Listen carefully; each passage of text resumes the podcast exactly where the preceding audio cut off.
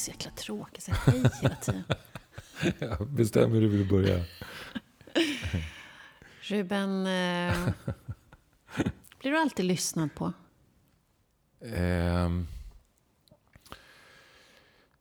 En bra fråga.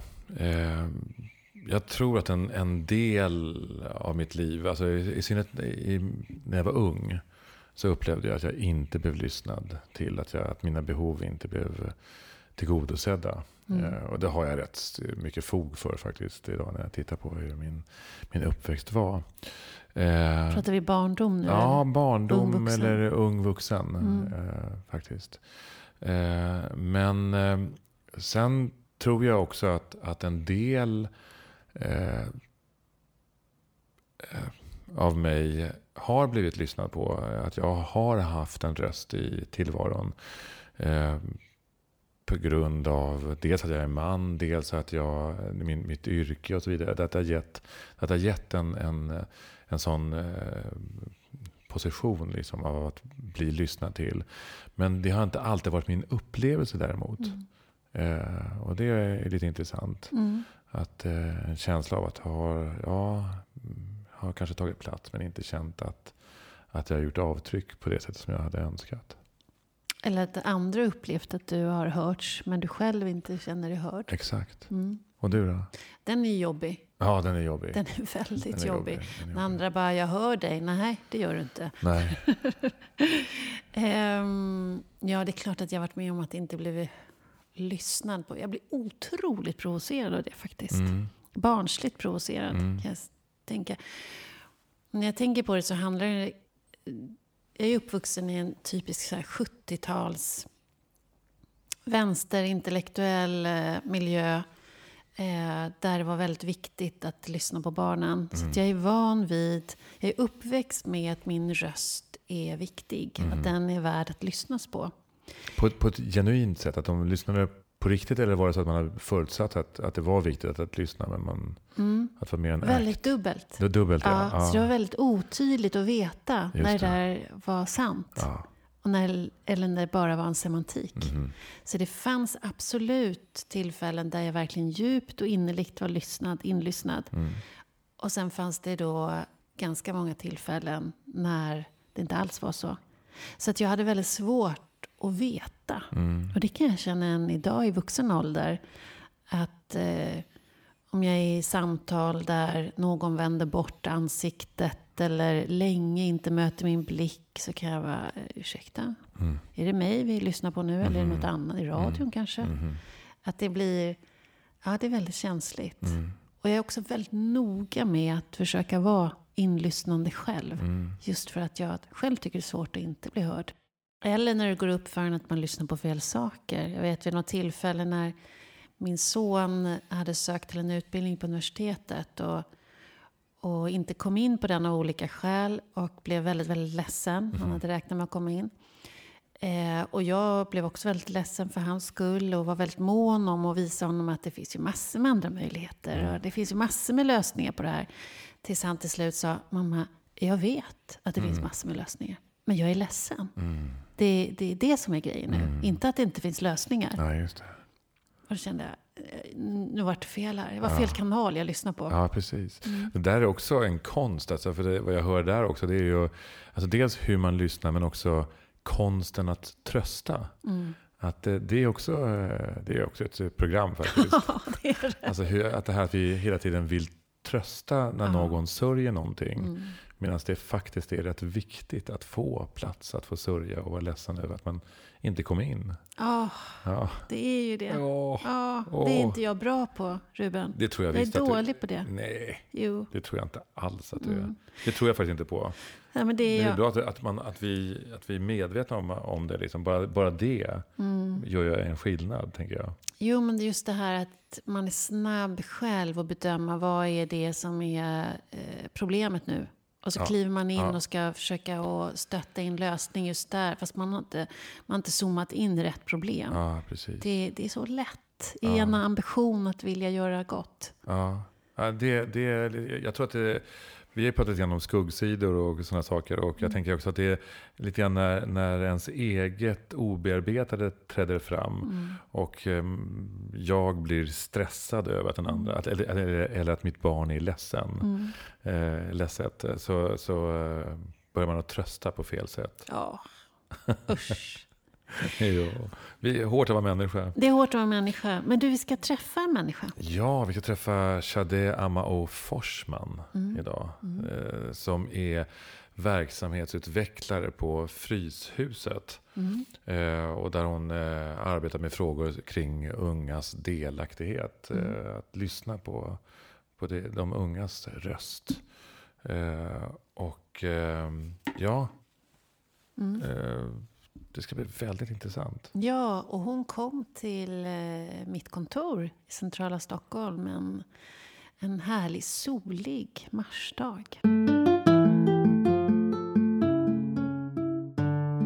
Om du säger några saker bara så hör vi att det funkar. Ja, hallå, jag gillar eh, godis och att titta på tv-serier och eh, är här med er nu och ska prata. Bra. Känner vi oss redo? Ja, Ja, vi absolut. är jätteredo. Då kör vi. Mm.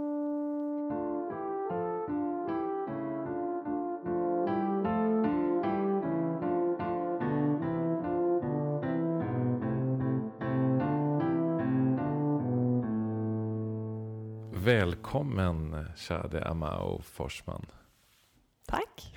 Vad roligt att ha dig här Tack, i Podd tack. Mogna. Mm. Ja. Jag har hört så mycket gott om dig. Gud, jag blir nästan generad. Men Men eh, det behöver det inte bli. Men jag är ändå nyfiken. Har du mognat något den senaste tiden? ehm, ja, det tycker jag är lite svår fråga faktiskt. Ehm, för mig så handlar mogna, eller om man säger så här, jag skulle säga att jag kanske har växt. Mm. Ehm, och det får man väl ta vad man vill ifrån. Men mogna för mig handlar kanske om när man är van med i växandet. Eh, Mm. och det, jag märker att jag blir chockad varje gång jag växer. Så att jag tror inte att jag är riktigt i stadiet eh, att mogna än. Utan jag växer mer kanske. Och vad är skillnaden mellan att vuxenväxa och mogna?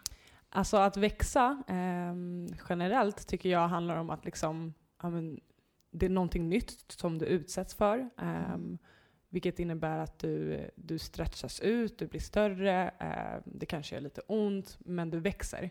Mm. Ehm, när du mognar så har du växt i någonting ganska många gånger. Det, det sker om Mm. och om igen. Ehm, så du är ganska van i växandet och det är inte så svårt att ta till sig växandet. Du blir inte lika Mm. chockad av växandet. Liksom. Och vilken fin beskrivning av att Verkligen. mogna. Mm. Verkligen. Var... Vill du berätta om, eller dela med dig om någonting av ditt växande den senaste tiden? Mm, ja, men jag tänker att ehm, som eh, rasifierad kvinna i Sverige så får jag ju ta del av väldigt många olika maktstrukturer. Mm. Ehm, och det är faktiskt en ständig kamp att bli medveten om det. mm. Ehm, och den, den sker liksom i olika stadier, tänker jag. Men den senaste som jag har liksom stött på är väl också eh, den här liksom duktiga flickan eller duktiga kvinnan syndromet och hur den kopplar till eh, ens prestationer. Liksom. Mm. Ehm, och den har jag blivit väldigt medveten om. ehm, också för att jag, jag vill så mycket. Eh, och jag tror att vi många är som, mm, när det kommer till att liksom vilja förändra och påverka i samhället så vill man ganska mycket. Men där kan man då kanske begränsas av de här liksom, eh, normerna som säger hur mycket man ska kunna och hur mycket man ska göra och prestera. Eh, så nu har jag blivit mycket mer medveten om det helt enkelt. Och jag tror att det är där jag har växt i att så här, det är okej att vilja men inte göra allt. Liksom. Mm. Mm. Typ så. Känner Det är att, väldigt bra insikt. Ja, verkligen. Känner du att, att kraven är större på, på dig på grund, av, på grund av att du är rasifierad kvinna? Eh, nej, det tror jag inte. Alltså jag, jag känner... ehm, jag känner inte att kraven är större på mig på, eh, per se. ehm, Mm. utan jag tror framförallt att det är mina egna krav ehm, som liksom ställer till det för mig. Ehm, men med det sagt så kommer ju de kraven någonstans ifrån. ehm, och de har nog liksom internaliserats, om man ska säga så, utifrån hur samhället ser på kvinnor och eh, framförallt är relaterat till män. Så så för mig så känns det lite som att liksom oftast att eh, kvinnor behöver göra dubbelt så mycket men märks hälften så lite. Liksom. Mm. Ehm, och det är inte någonting som jag tror sker medvetet, eller vad man ska säga, men det händer i samhället. Och då vill jag bara fylla i att det inte bara är någonting du känner, utan det är också så det är om man Mm. tittar på statistik och forskning. Mm. Så att det är klart att den det finns ju hela tiden en samverkan mellan den man blir och sin identitet och de krav och förväntningar som finns outtalat och uttalat som normer i, Mm. i vårt land. Mm, vad, vad häftigt att bli medveten om det så pass tidigt ska jag säga. Jaså? Ja. ja, nej men verkligen. Mm. Och skönt eh, tycker jag. Mm. Ehm, för att då, har- då, då har man någonting att jobba utifrån. Och jag tror inte att jag är klar. Jag tror inte någon någonsin blir klar. Mm. Eh, men det eh, är ju faktiskt ett privilegium att få vara medveten om det. Så det håller jag faktiskt med om. Mm. Mm, mm. Jag tänker, eh, eh, när jag läser lite grann om dig och när jag lyssnar på dig nu också så använder du en del ord. Mm. Kan du kort förklara vad, vad de här uttrycken är för något? Ehm, oj. ja, men- Rasifierat? Precis. Ra- att rasifieras handlar ju om att eh, alltså samhället sen historiskt sett bakåt har eh, uppdelats utifrån olika raser. Um, så liksom svart eller vit och så vidare. Um, och i USA så är man ju ganska liksom tydligt beskriver man different races så att säga. Men här i Sverige är vi ju liksom väldigt motstridiga till att prata om olika raser för att då blir vi helt plötsligt väldigt medvetna om eh, olikheter i ett land där vi påstår att alla är lika. Ehm, och då har forskning också tagit fram då eh, någonting som heter rasifieras för att just poängtera att liksom, jo men vi, eh, vi behandlas olika på grund av hur vi ser ut och det är en konstant process. Mm. Eh, så det är ingenting du, du beständigt är för att du, du, du är ingenting men du görs till någonting av andra. Liksom. Mm. Eh, på grund av tidigare eh, erfarenheter och, och så vidare. Så. Mm. Det var en väldigt bra förklaring. Väldigt pedagogiskt. Men det innebär också att, att det är inte din identitet, identitet att vara en rasifierad person. Om det är något som är på, dig pålagt. Ehm, nej, precis. Alltså jag tänker att liksom, alltså min identitet består, består ju av att vara många olika saker. Mm. Min identitet består ju av eh, vad jag har växt upp med. Ehm, och eh, jag har ju växt upp med att vara svart, så det är ju en del av min identitet. Men min identitet är ju inte att vara den stereotypiska eller liksom den utmålade bilden av samhället som svart är. Utan, utan jag är ju jag och jag har ju alla mina erfarenheter. Men en del av det är att vara svart och att vara svart så som jag är det. Mm. Så att säga. Så att jag tror att liksom det vi behöver göra när vi pratar om eh, olika rasifieringsprocesser är att särskilja det från liksom, att det är det enda man är. Mm. Eh, det är en del av eh, vad en person är, men det är inte, det är inte bara det. Liksom, Mm. så att säga. Samma Mm. sak med kön. Exakt. Precis samma sak.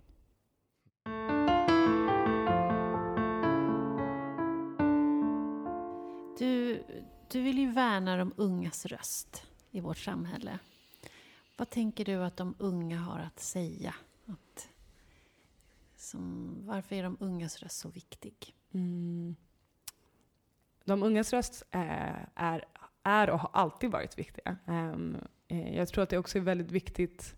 eh, jag tycker om att liksom hela tiden gå tillbaka till historia och till vad vi har. Och det, det unga alltid har gemensamt genom tiden, eh, tiderna är att det är de som driver på förändring. Det är Mm. de som vågar tänka nytt. Det är de som vågar uttrycka det som faktiskt inte finns just nu. Um, och vi ser ju att unga liksom allt, allt mer får en viktigare och större roll i samhället just för att vi också börjar förstå att så här, hur vi har uppdelat samhället i äldre och yngre och kvinnor och män och svarta och vita. Det, det, liksom, det bygger egentligen inte på mer än att några få vill sitta på makten. Liksom. Um, det finns egentligen en konkret anledning till att ungas röster är, är, inte skulle vara lika viktiga som andra eh, grupper i samhället. Ehm, och det är av den enkla anledningen som jag ser att unga behöver vara ehm, kontinuerligt delaktiga i de olika processer som faktiskt eh, påverkar dem och deras liv. Liksom. Mm. Mm. Hur, hur kan man gå tillväga för att eh, göra en ung, att ta, ta tillvara på ungas, den, det ungas röst? Um, det är ju många olika processer. Det beror på vad du har för egen roll, tänker jag. Um, men uh, att bjuda in uh, är ju alltid uh, viktigt. Så har du något sammanhang som du tror att, liksom, att unga kan vara delaktiga i, så vänd dig till plattformar där unga finns och fråga, um, tänker jag. men, eller samarbeta med andra aktörer som når unga. det tror jag det finns liksom flera konkreta sätt att gå tillväga där. Mm. Mm. Finns det någon i ditt arbete och där du rör dig och så, finns det för det, alla unga är ju individer också såklart, mm. med olika erfarenheter eh, med sig. Men, men det här som du säger, att de unga ändå kanske har ett ändå gemensam, finns vissa gemensamma perspektiv. Är det någonting så här, som du har dragit slutsatser om vad du hör från de ungas? Mm. Går det att säga så? Ja, eller kan inte du förtydliga lite ja, vad du är inne på? Jag hörde själv flummigt det lät. jag menar mer om du har i ditt arbete och när du har lyssnat runt, kan du se signaler? Finns det något gemensamt i det du hör mm. från de unga? Den generationen. Mm. Ja, alltså eh, jag tycker att det är mycket centrerar kring liksom bemötandet. Alltså att eh, jag, jag, tror att så här, vi kan dels prata om de frågor som unga är intresserade av och då, då är det liksom som väldigt mycket forskning visar, det handlar om miljö, det handlar om jämställdhet och jämlikhet, det handlar om rasism. Så att, liksom, att lyfta och prata om de frågorna, det är ju också någonting som jag tydligt ser i mitt arbete att unga tycker är viktigt. Men någonting som finns liksom mellan raderna, eh, som inte är li lika påtagligt, handlar om hur man bemöts när man väl vill prata med unga. Mm. Liksom. Um, där det blir att så här, okej, okay, nu ska kommun X göra ett arbete kring miljö. Uh, här blir det viktigt att ha unga med sig. Uh, men det är dessvärre fortfarande väldigt mycket uh, en check på listan-aktivitet snarare än liksom det här det, det, det ordentliga, det riktiga lyssnandet, inlyssnandet och samtalet som ni också har varit inne på. där man faktiskt möts på jämlika villkor. Um, jag tror att vi begränsas ännu av olika uppfattningar av liksom att vad, vad, en person ska ha med sig för att anses vara viktig i samtalet. Mm. Så då handlar det om erfarenheter, det handlar om utbildning, det handlar om alltså, ålder och så vidare. Eh, för, att liksom, för att kunna tas på allvar. Och Självklart finns det delar som, det här saknar en ung person. Eh, den saknar kanske språket för att kunna formulera sig på rätt sätt för att kunna få ett beslut, eh, eh, liksom, att ett beslut ska gå igenom. Men den, den, de idéerna och den kunskapen som ligger bakom besluten, det är ju otroligt viktigt och det är otroliga källor som man behöver använda sig av. Eh, och en ung person, precis som vilken annan människa, känner ju av hur en bemöts eh, och hur en blir sedd på. Eh, mm. och det är det vi behöver jobba med liksom, aktivt, så här, hur vi bemöter varandra. Mm. Liksom. Mm. Och här, eh, det jag hör då, det är, det är att att det vuxna samhället behöver mm. mogna i vårt förhållande till de ungas röst och vilja. Mm. Jag tror det. Och, och jag, jag, jag är inte heller liksom jätte så för eh, att ansvaret bara ska ligga på en part, eller vad man ska säga. Jag, jag tycker lika mycket som eh, alltså unga ska ge, eller vuxna ska ge tillit till unga och öppna upp för dem, så behöver också unga ha förståelse för att liksom, andra människor kommer med olika erfarenheter. Med det sagt så är det faktiskt vissa människor som har levt i världen lite längre och kanske har hunnit mogna eller kanske har hunnit förstå olika liksom, processer eh, i, i en annan grad. Så därför tycker jag också att man ska ha mer utrymme och tålamod för eh, unga eh, mm. som är i början av sin process att upptäcka hur komplex den här världen är. Så att säga. Mm. Så att där, där någonstans har man ändå, tycker jag i alla fall, ett lite större ansvar att liksom vara den, vara the bigger person om man ska säga så. Mm. Eh. Hur, hur gammal är man när man är ung? Eh, de unga vi jobbar med eh, är ju liksom allt från 13 upp till ja, men upp till liksom min ålder, alltså 27-28 liksom.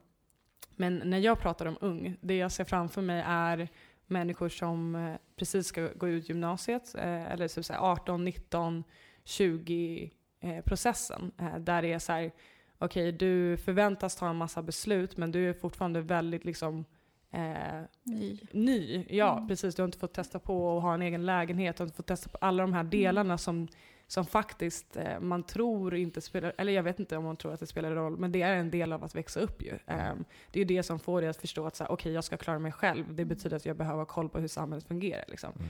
Det, är den, det för mig är ung, eh, men det är för mig också otroligt liksom, eh, taggad på världen. Liksom. Mm. Så det är en källa eh, och det är en utveckling eh, som vi pratar om. Men när jag hör dig så tänker jag dels att, att få sin röst hörd, att någon lyssnar på en. Och du pratar om bemötande, att få känna sig viktig kan mm. jag tänka. Att jag får vara med och påverka. Det är också en del av att få verktyg för att mogna, tänker det, jag. Mm. Att eh, för mogna, det är inte bara någonting man gör när man har fyllt 52. Utan det är ju, tänk, för mig är det en process som startar från början, att växa. Mm. Eh, och att att som, jag tänker att som ung att få verktyg att både reflektera över, över mig själv, över andra, över samarbete, att vi tycker olika. Mm. Att vi, det är en del av att få med sig verktygen mm. för att kunna växa. Mm. Men var i processen, tänker jag, för att när, när du väl är 18-19 år och ska ut i samhället. Eh, eh så eh, vissa, vissa saker måste ske i, i tiden. Liksom. Det går inte att, att, få någon annan erfarenhet än när det, när det sker. Mm. Men eh, vad jag är ute efter lite grann och fiskar efter det är ut, vår utbildning, mm. skolan. Mm. Hur ser skolan ut idag tycker du mm. eh, i förhållande till det här? Mm. Um, jätteintressant att du lyfter det. Alltså, tänker du då liksom grundskola, gymnasiet eller tänker du upp till universitet? Eller? Egentligen så tänker jag grundskolan, alltså, mm. eller alltså från eh, förskola till mm. eh, gymnasium. Den obligatoriska. Den liksom. obligatoriska, eller, och den gymnasiala. Mm, precis. Nej, men, eh, jag tycker det är superintressant, för att jag tycker att liksom, om det är någonting som vårt samhälle som vi lever idag i har visat oss, så är det ju liksom det här behovet av eh, av kritiskt tänkande, av reflektion. Alltså så här, vi lever i en tid där informationsflödet är konstant. Liksom. Um, så att det innebär ju att det vi behöver stärkas i, det är ju hur vi hanterar all information, hur vi processar den. Um, och det tror jag att vi behöver lägga mer fokus på just i eh, skolan. Um, att tränas i samtalet, att tränas i att mötas och um, reflektera. och ja, men kritiskt analysera. Eh, och inte gå in i allting direkt utan faktiskt stanna upp lite grann och bara säga men vad... Eh, och det, jag tror att det är ju lite så här, det är en utmaning. Eh, för att återigen, alltså en del av liksom, ja, puberteten och att växa upp, det handlar ju om att få ganska stolt bara uttrycka det här är vad jag står för, punkt. Jag vill inte riktigt, riktigt rubba den åsikten. Mm. Och det ska och, inte man behöva heller. Och ställa sig i relation till andra. Och ställa sig i relation till andra, mm. precis. Mm. Att så här, det är så man växer genom att få utmana. Liksom. Eh, så att det behöver vi också ha med oss när vi då går in och säger så här, ja men samtidigt vill vi att ni ska liksom lära er kritiskt tänkande. Så här, det behöver hela tiden vara ut, utgångspunkten behöver vara den unga personens verklighet. Liksom. Men det talar inte för att vi fortfarande behöver jobba med de verktygen. Alltså så här, när sociala medier, när alla all, all de här nya teknologierna tar mer och mer plats i våra samhällen, mm. behöver vi ju bemöta det också på något sätt. Liksom. Men det har inte också lite grann med att eh, eh, jag, jag, jag, tycker att skolan har stagnerat i, i sitt sätt att, att, att utbilda våra unga. Det vill säga, när du kommer i puberteten, det är då man tar upp det här med till exempel sexualkunskap. Mm.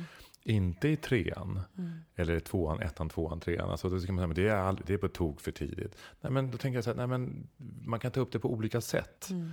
Eh, det handlar om en slags förberedelse. Och jag, eh, min upplevelse, när jag nu har rätt mycket erfarenhet, dels av min egen skolgång, men också av mina, alla mina barn, det är att, att skolan liksom hela tiden hamnar i kölvattnet. Mm.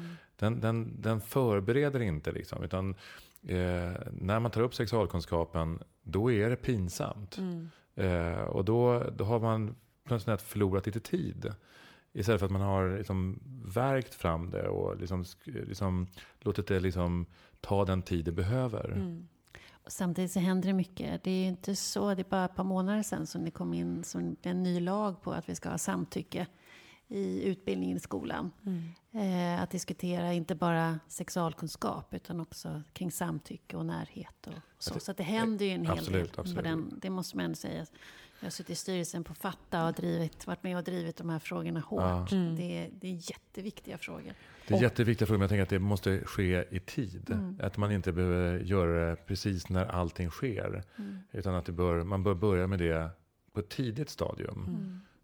Ja men precis, men då, och då kommer vi också in i, alltså så här, i hur vi ser på liksom förebyggande arbete. Alltså, um, för det är lite det du, eh, jag hör dig att du är inne på. Liksom, och för det håller ju jag garanterat med om. Men där det finns så många olika processer att mm. liksom para, eh, parallellt då ha in mind. För dels finns det så här, rent krast återigen, så har vi liksom, eh, ehm, vi har hela sättet som politik förs. Alltså där det är liksom, det är val var fjärde år, du vill, du vill oftast ha makten så du vill ha liksom korta snabba lösningar som går på så här, så här händer det här. Det är få som vill prata om det långsiktiga perspektivet. Att om, liksom, om 20 år, då har vi en sån skola som ser ut så här och så här och så här. Vilket är lite så vi behöver tänka om mm. vi vill drömma, eh, eller hur? För då, det tar ju tid innan vi kommer dit, men vi måste börja någonstans. Liksom. Men vi, vi är inte där just nu, utan mm. vi vill prata om det här snabba, hur, hur löser vi det här och nu? Men också att liksom, vi behöver också prata om vilka förutsättningar skolan har idag. Liksom. Det, är, det är stora klasser, det är en massa kunskap, som du, det är en konkret kunskap som du ska få in dig. Sen är det det demokratiska uppdraget som du har. Och, liksom, det är så mycket att balansera. Mm. Så jag förstår och hör är liksom, att skolan blir jäkligt stressade när folk kommer och liksom pekar och bara ni borde göra så här, ni borde göra så här. Liksom. Mm. Eh, jag hör det, samtidigt som jag känner vi behöver prata. Eh, mm. vi, kan inte, vi kan inte stänga dörrarna för varandra, utan vi behöver prata hur kan vi stötta er i så fall om, ni liksom, om det här är mycket nu? Om mm. säger så, liksom. mm. mm. Jätteklokt. Mm.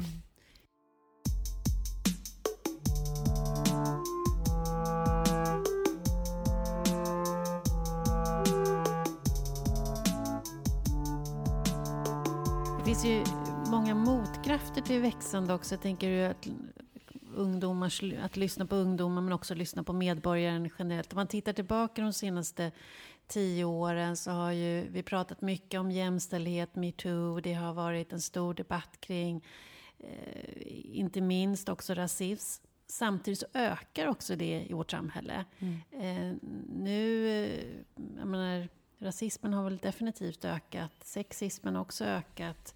Eh, det, det, är som två parallellprocesser som nästan väger mot. Ju mer vi pratar, ju mer, fler som pratar jämställdhet, desto starkare blir också motkraften. Ju mer vi pratar om människors lika värde, desto mer blir också motkraften. Och det här, hur ser du det när du jobbar med ungdomar kring rasism, kring sexism? Hur? Eh, alltså jag tror också så här faktiskt att eh, jag tror att rasism och sexism eh, Alltså det, det, kanske till och med finns forskning om det, att det har ökat, eller man ska säga. Eh, jag vet inte. Eh, men också om man kollar på historiskt mässigt så vi lever ju faktiskt i en tid, väldigt många av oss, som är mycket bättre än vad det var förut. Alltså förut hade vi ju ren och skär slaveri. Liksom. Så på det sättet så är det bättre. Jag tror det som dock har hänt är att vi har blivit mycket mer medvetna om vad som fortfarande sker. Vilket gör att det blir också det blir synligt för alla, inte bara de som utsätts för det, att det sker. Mm. Um, och då, så därför blir vi liksom mer medvetna och blir lite mer såhär, åh nej, men vad är det som händer liksom? Eh, Medan för alla andra som har utsatts för det här så är det så här, ja, nej men det här har vi sagt ganska länge, att mm. så här är det så att säga. Mm. Eh, så dels är det den processen. Sen tror jag också att det är, eh, är en motreaktion. Alltså så här, människor som är vana att ha utrymmet, att, att ha offentliga utrymmet, att ha eh, samtalsutrymmet, vad du än vill kalla det det, det, de får kanske lite panik. Liksom. Man kanske mm. blir lite så här, vänta nu, eh, vad är det som händer? Jag trodde att jag hade liksom kontroll över den här situationen. Jag får väl säga vad jag vill och göra precis som jag vill. Det är ingen som ska komma och säga till mig här. Liksom. Det blir obekvämt för dem. Liksom. Mm. Den obekvämligheten som man som de här minoritetsgrupperna har egentligen fått leva med hur länge som helst. Så att säga. Um, men ja, och, men du var inne och nyfiken också på hur unga, hur ser man det här hos unga? Eller hur du ser. Ja, precis. Där du är, din eh, utkikspost. Ja, nej men jag ser det som, um, jag ser det som att min roll just nu eh, på mitt arbete är att liksom bära eh, de, det unga brinner för. Liksom. Och det är de här frågorna. Det handlar om rasism, det handlar om sexism. Och som jag har varit inne på innan, de kommer väldigt mycket från ett argt perspektiv. Jag tror också på mötet, det gör jag. Jag tror på dialog och jag tror på samtal. Eh, men jag tror också på att respektera eh, den process som unga går igenom. Ehm, jag tror att människor som kanske har eh, privilegier behöver faktiskt tillåta och, ge utrymme för ilska, ge utrymme för att få växa och för att få processa allting som man nu gör. Mm. Um, så att det här, det här kräver ju någon form av balans där vi liksom inte eh, förväntar oss att säga okej okay, bra, ni vill ju att vi ska prata om rasism, vart är ni då? Eh, varför mm. är ni mm. inte här nu och pratar rasism med oss? Liksom? Utan snarare så här, vad kan jag göra nu för att liksom öka utrymmet så att när de är redo att prata om rasism så finns det plats för dem att göra det.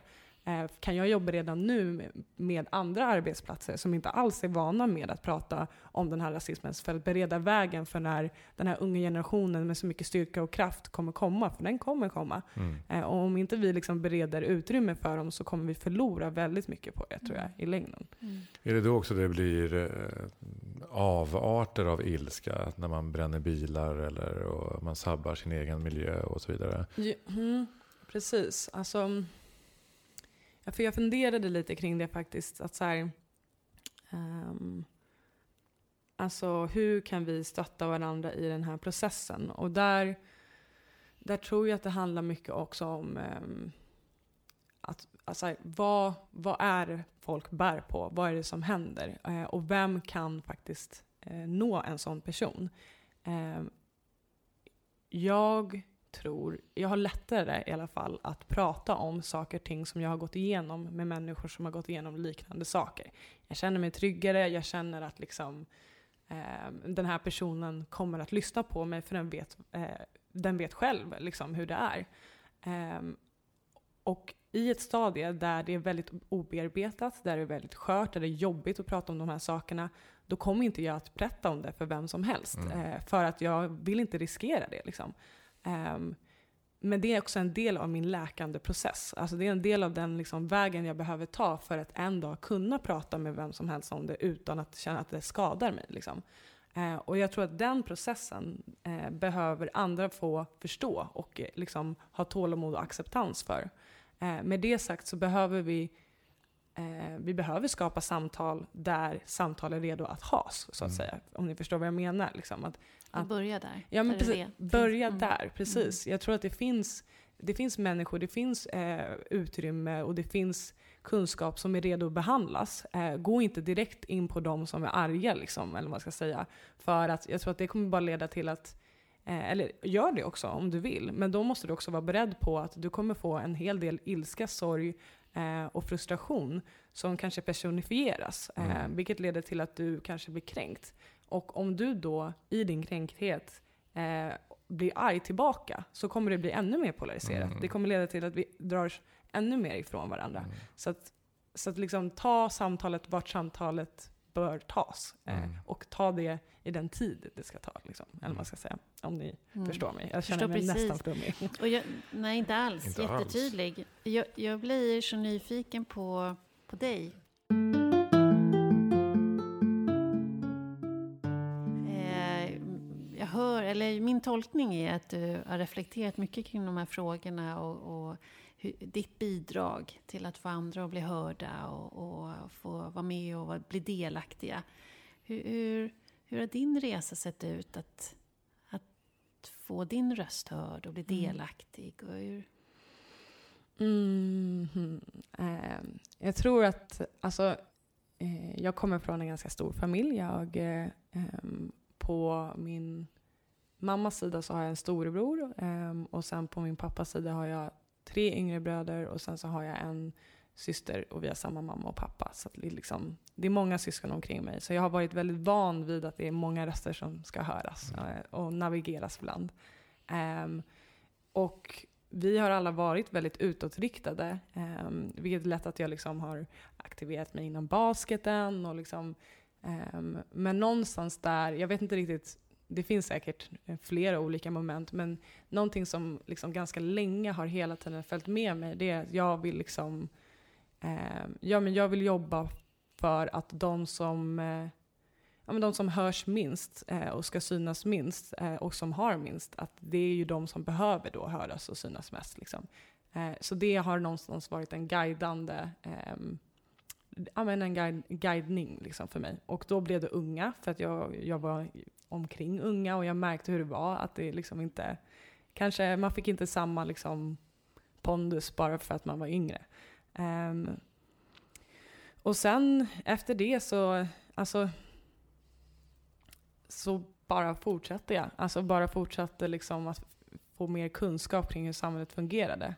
Um, och jag är också, jag är vit och jag är svart. Uh, jag har en vit mamma, jag har en svart pappa som är från Finland, som är från Nigeria, jag är född i Sverige, um, jag växte upp i förort, jag gick liksom i, alltså i skola i Uppsala. Alltså jag har fått jag har fått privilegiet att få röra mig i väldigt många olika utrymmen. Um, och det har gjort att jag har växt väldigt mycket, men det har också gjort att jag har haft, alltså, eh, alltså om vanliga människor har identitetskris så har jag haft en ganska stor sån. Liksom. Um, så att jag vet inte, någonstans där har jag väl försökt reda ut lite kring, kring liksom, vad är mitt bidrag i allt det där. Och um, det är ju en konstant fråga tycker jag. Um, att, ja, att fundera kring. Liksom. Mm.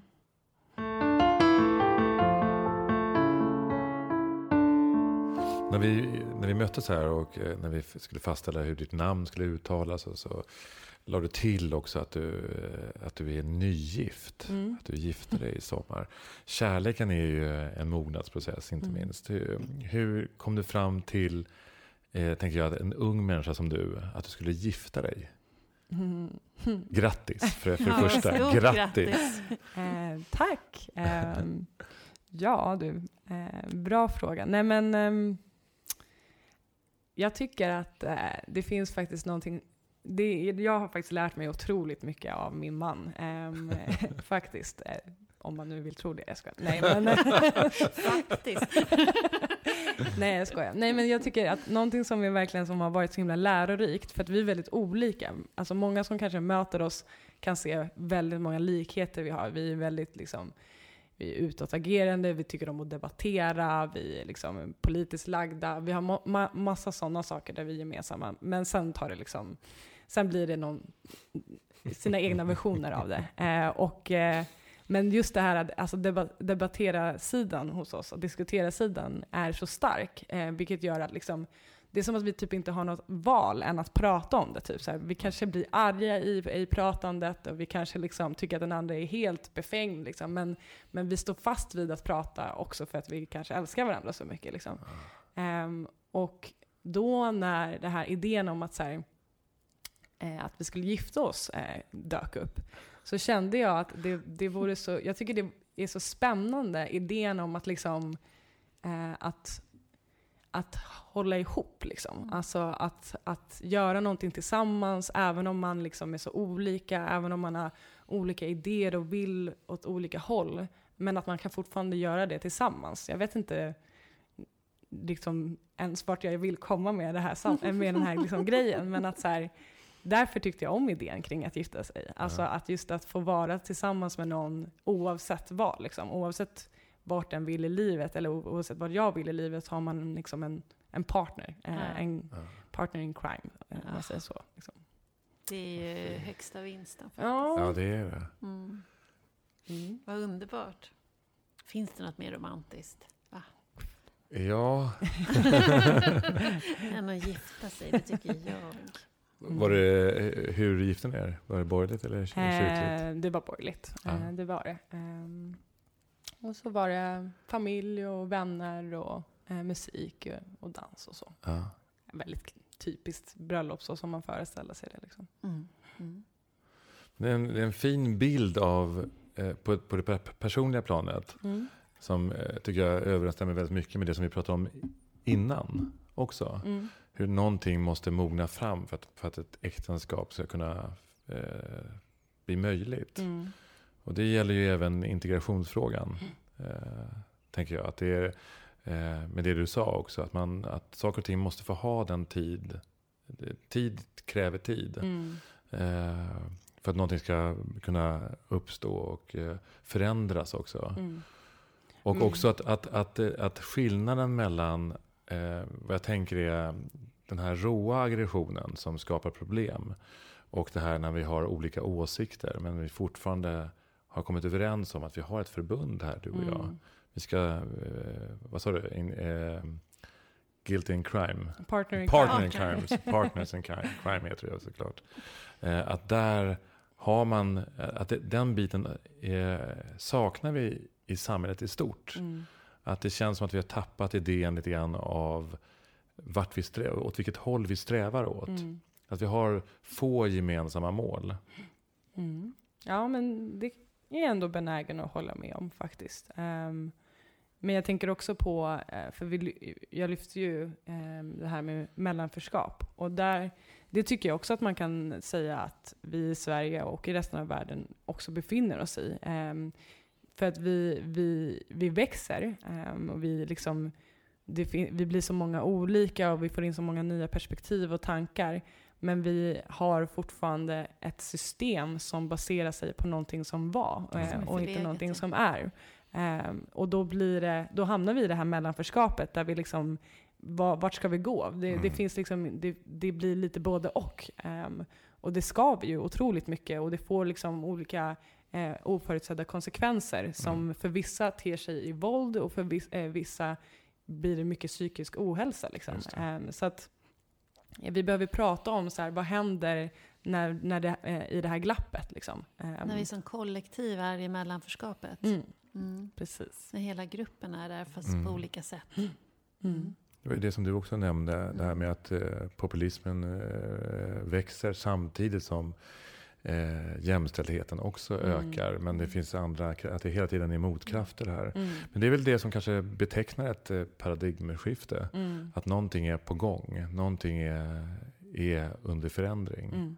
Ja men verkligen, för det, det tycker jag också är så spännande för då ser du ju liksom att så här, Ehm, ja men tar man jämställdhetsfrågan så har vi hur länge som helst försökt kämpa för att ge, ge kvinnor mer utrymme i samhället och liksom de ska få högre positioner i yrkeslivet och vi börjar komma dit samtidigt som vi fortfarande har de här liksom, löneglappen på olika håll.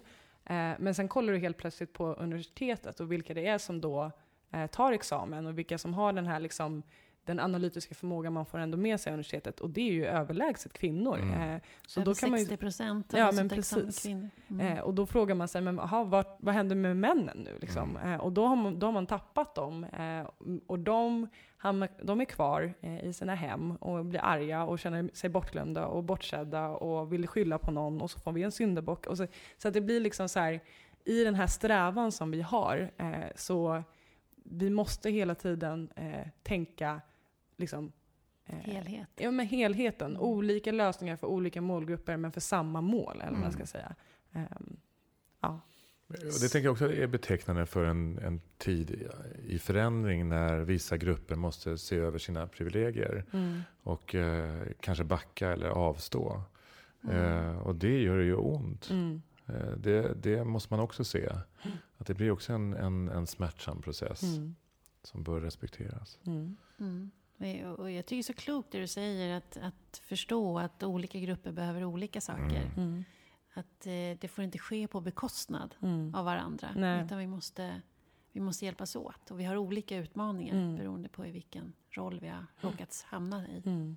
Verkligen. Och sen tycker jag när du beskriver ditt äktenskap där, det är ju precis det du pratar om i ditt jobb också. Att det här med att, att eh, även om vi tycker att varandra är ute och cyklar eller är helt befängda som du sa, så fortsätter ändå samtalet. Mm.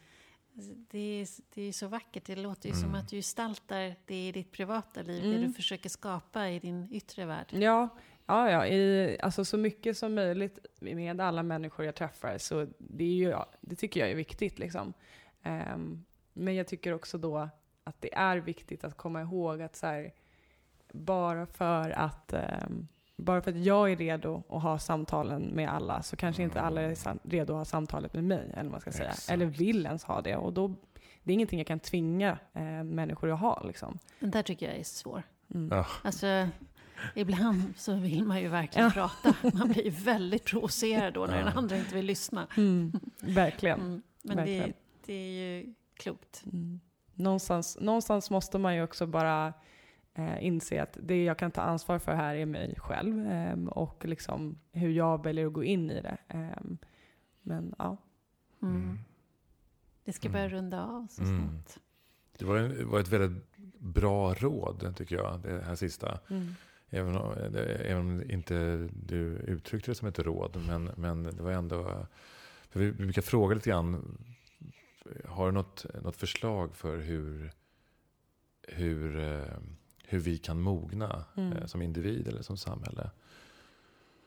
Mm, ja, alltså jag tycker att ehm, jag tror att mycket handlar faktiskt om att så här, nu måste vi börja göra oss beredda för ehm, och bekväma med att vara obekväma. Ehm, jag tror att den är ganska viktig för att eh, vi är i en process nu där många grupper som kanske inte har hörts i samma utsträckning börjar höras eh, och synas. Och det innebär ju ett, ett maktskifte, ett balansskifte. Liksom. Och och om vi ska komma någon vart, eh, om, det här ska liksom, om det här samtalet vi alla strävar efter att eh, få ska kunna ske, så måste vi vara bekväma i att det kanske inte är eh, så som det varit tidigare, vi som har taktpinnen, vi som ska liksom bestämma formerna, utan vi kanske behöver öppna upp för att andra har idéer kring de här formerna också. Så att säga. Mm. Eh, Och det kanske är lite obekvämt, men det kommer eh, förhoppningsvis, eller jag är helt tvärsäker på att det kommer landa rätt om vi vågar eh, vara sårbara i det. Mm. Låt oss vara sårbara och känna oss obekväma. Ja. Mm. Och fortsätta debattera, och även om folk är befängda. Bra. Tack för att du kom hit. Kul att få komma. Tack Shadi.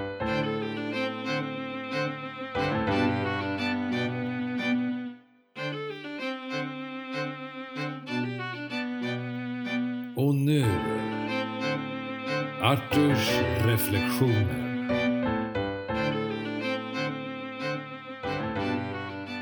Vi lever i en tid av enorm utveckling.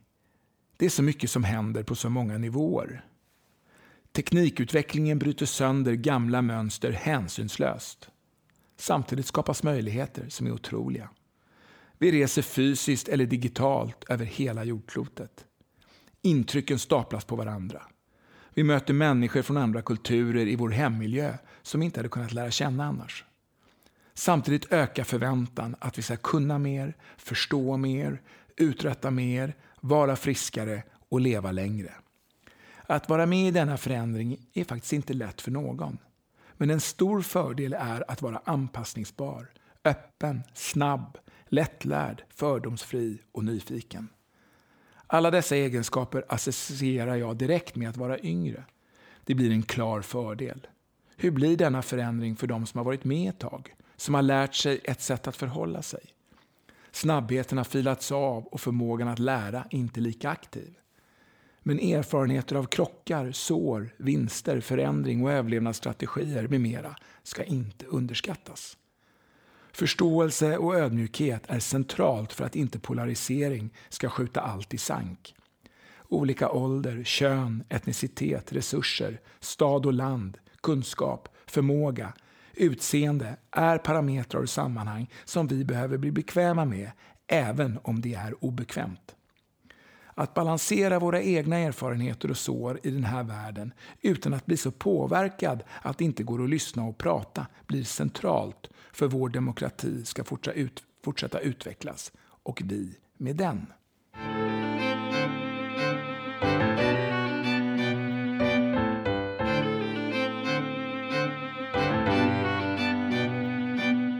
Tack Arthur. Och Tack Shadi. Mm. Vad tänker du? Och jag tänker mycket. Jag tänker att det är en, en ung människa som redan har rätt mycket på plats. Ja, verkligen. Ja, Jag lärde mig ett nytt ord, mellanrummet, mellanskapet. mellanskapet. Ja, just det, precis. Mm. Ja, ja precis. Att, att eh, befinna sig att vara lite grann utanför, att inte vara helt eh, utanför men någon slags mittemellan. Mm. Eh, Det skulle jag verkligen vilja fördjupa mig ja, kring. ja, Det där mellanskapet. just det. Och också det här med att vara, eh, som man förklarade så bra, att vara en rasifierad person. Eh, att, eh, vad, det, vad det innebar då att, att, att eh, leva i en, en svart människans kropp, eh, som man uttryckte det. Va?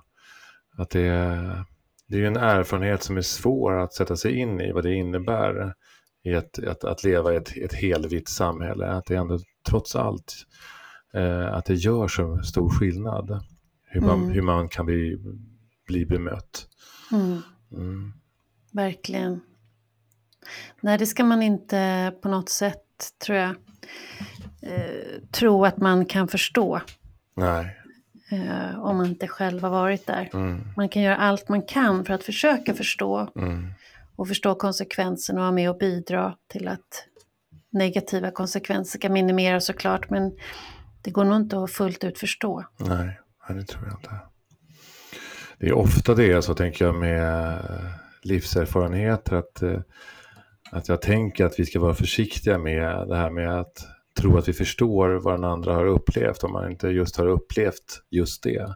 Mm. Eh, Det betyder inte att man inte kan ha en känsla för, för eh, det lidande eller det, det, den utsattheten den personen har, har upplevt. Mm. Men jag tänker inte det är lite sånt som du sysslar med i ditt jobb? Det där med att sätta på sig någon annan människas skor. Jo, Försöka och fullt... Hur, hur långt... Hur upplever du? Hur, hur mycket kan man ändå vara i det utan att fullt ut förstå det? Om man nu bestämmer sig för att försöka förstå hur det är att gå i en annan människas skor. Mm. Alltså, eh, det är lite olika saker tänker jag att, att gestalta på scen och att, att leva. Eh, Ja, det är klart såklart. att det är. Men jag tänker ändå att eh, Eh, jag tror att vi har möjligheter att ganska långt kunna eh, känna in vad ett lidande eller ett utanförskap eh, innebär. Jag tror att vi har många vi har ett helt register av, ett helt känsloregister som vi kan plocka utav. Och ibland så tror jag att vi tror oss vara en viss personlighetstyp. Och därför kan vi inte bli ledsna, därför kan vi inte gråta, därför kan vi inte bli arga och så vidare. Men jag tror att det, vi, vi, har ju, vi har ju allt det här i oss. Och det handlar bara om att få kontakt med det på ett eller annat sätt. Mm. Och det är en del av det som vi skådespelare bland annat håller på med. Mm. Eh, Men jag tänker också att när man jobbar med medkänsla, Mm, att man eh, i ett samtal försöker att eh, lägga bort sina egna värderingar och fördomar och föreställningar Mm. och idéer om hur man skulle kunna lösa en sak eller ett problem. Att försöka lägga det, allt det åt sidan och sen bara vara i den andra människans rum Mm. en stund. mm, Och att fullt ut försöka bara vara närvarande i det är ju också ett sätt att, att åtminstone eh, försöka närma sig att vara i och dela mm. det den andra är i. Mm.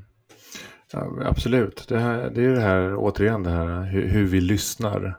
Mm. Hur vi lyssnar på varandra, hur vi lyssnar på våra barn. Mm. vi eh, lyssnar på dem vi samtalar med. Och att, att just samtalet är inte bara att säga sin egen mening, utan en stor del av samtalet är just att lyssna och lyssna Mm. in. Det, ja. Mm. Det var väldigt fint samtal. ja, det var det Mm. verkligen. Mycket klokskap. Ja, och hon, eh, hennes eh, distinktion av vad, vad det var att mogna för henne, att, att Mm. det, det här växandet, Mm. eh, det var ju ett annat sätt att, att, eh, att formulera vad, vad, vad det är att mogna. Eh, Själva rörelsen i det. ja, men vi har ju ja. också sagt det, fast med andra ord, att, eh, att, att vi är inte ute efter mognad, utan vi är ute efter processen Mm. att mogna. Mm. Och att det är någonting som sker hela tiden. Mm. Det gav väl hon också uttryck för, tycker jag. Mm. Det var Mm. fint. Mycket. Mm. Ska vi säga så? Ja, det tycker jag. Mm. Tack för idag. Tack. Hej. Hej då.